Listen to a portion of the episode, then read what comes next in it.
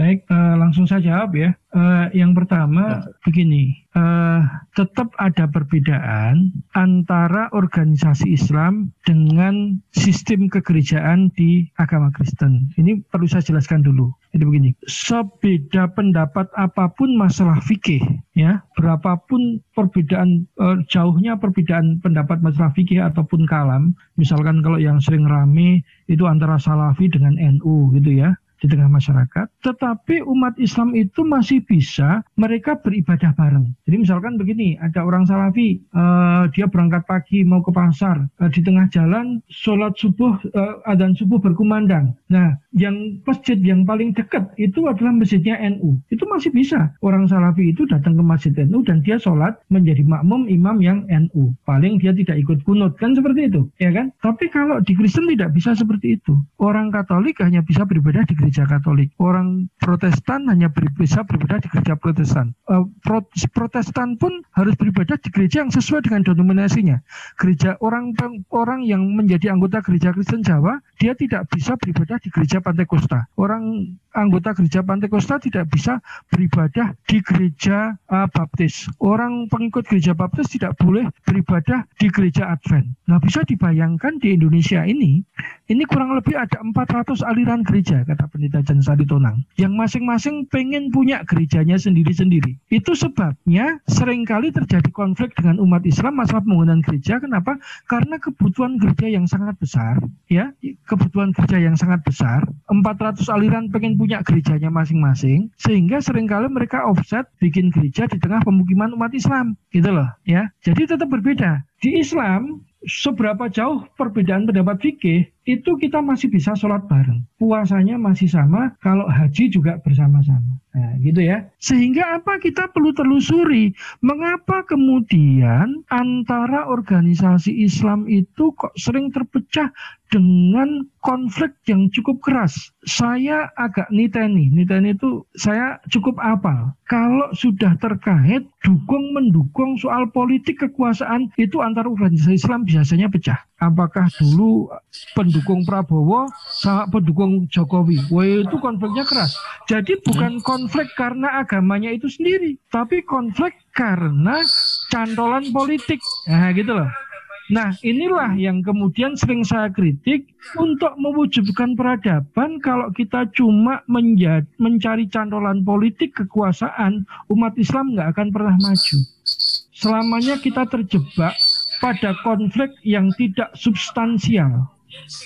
Ya, yang tidak substansial. Coba sekarang kita agak uh, telah sedikit. Umat Islam itu yang paling banyak di mana sih sektornya? Kan buruh pabrik, ya kan? Nelayan, ya kan? Petani, pedagang pasar in, tradisional, informal, ya kan? Kan umat Islam itu paling banyak di sana. Tetapi mohon maaf coba perhatikan ketika buruh pabrik berdemonstrasi menuntut upah yang layak ya ketika petani protes pupuk subsidi ini pupuk bersubsidinya diselewengkan gitu ya oleh mafia pupuk ketika nelayan protes uh, karena kapal-kapal asing banyak masuk ke perairan Indonesia. Pernahkah kita melihat ada bendera organisasi Islam yang mendampingi para petani, mendampingi buruh pabrik, dan mendampingi nelayan tersebut? Kan tidak pernah ada kan? Jadi sebetulnya konflik-konflik kita selama ini konflik yang tidak substansial, itu konflik yang disebabkan oleh elit yang sedang mencari cantolan kekuasaan. Bukan konflik substansial yang memperjuangkan politik keumatan. Nah, ini.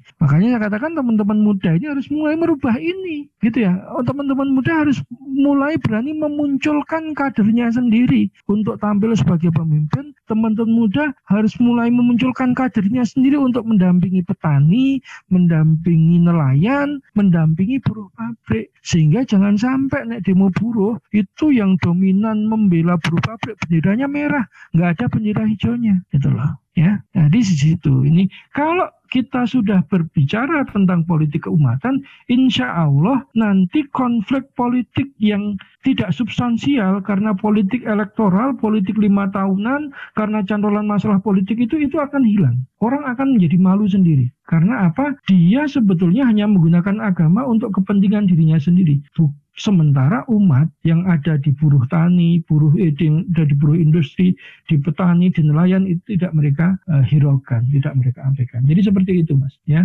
tidak substansialnya di sana kalau saya melihat. Dan ini teman-teman muda harus punya haluan yang lain. Kemudian yang kedua, uh, ini yang saya katakan sering kali, mohon maaf, uh, terjadi salah orientasi uh, dari ngaji kita di kampus ya sehingga apa anak kalau sudah ngaji menjadi aktivis masjid kampus pengennya jadi ustadz ya. Entah dia jurusannya arsitektur dia kalau lulus pengen jadi ustadz meskipun dia itu dari pertanian lulus pengen jadi pembimbing ngaji jadi jadi ustadz yang ngajar ngaji juga yang bisa memberi fatwa juga. Padahal sebetulnya proses islamisasi ini dituntut untuk semua disiplin ilmu yang arsitektur itu harus memperkaya diri dengan wacana keislaman dan kearsitekturan sehingga dia bisa menelurkan konsep-konsep keilmuan arsitektural yang sesuai Islamic worldview seperti apa konsep-konsep uh, kalau yang guru pendidikan yang sesuai dengan karakter pendidikan Islam seperti apa. Kalau kemudian seperti sekarang ini anak ngaji akhirnya pengen jadi ustadz begitu lulus kita dapat melihat justru anak-anak masjid ini menurut saya menjadi anak yang paling tidak punya keberanian berhadapan dengan realitas kehidupan. Kenapa? Karena kemudian kecenderungan anak, anak masjid kampus itu tidak berani hidup jauh dari masjid kampus. Mereka tetap berkumpul, bergerombol bersama dengan teman-teman ngajinya dulu, dengan ustadz-ustadznya dulu. Akibatnya apa? Kalau dia lulusan arsitektur, dia juga nanti kalau lulus jadi pembimbing haji dan umroh. Meskipun dia lulus ke, uh, keguruan, nanti uh, kalau lulus dia jadi guru TPA. Akibatnya kan apa dapat kita lihat? Alumni masjid kampus ini kan uh, tinggalnya banyak yang masjid kampus dan kemudian profesinya bisa di, di, dilihat lah kecenderungannya. Kalau tidak jualan jilbab, gitu ya, jualan herbal, jualan buku, praktisi bekam, praktisi rukyah. Padahal seharusnya dia bisa menjadi dokter yang hebat, menjadi arsitektur yang hebat, menjadi teknisi yang hebat di bidang teknik sipil, menjadi uh,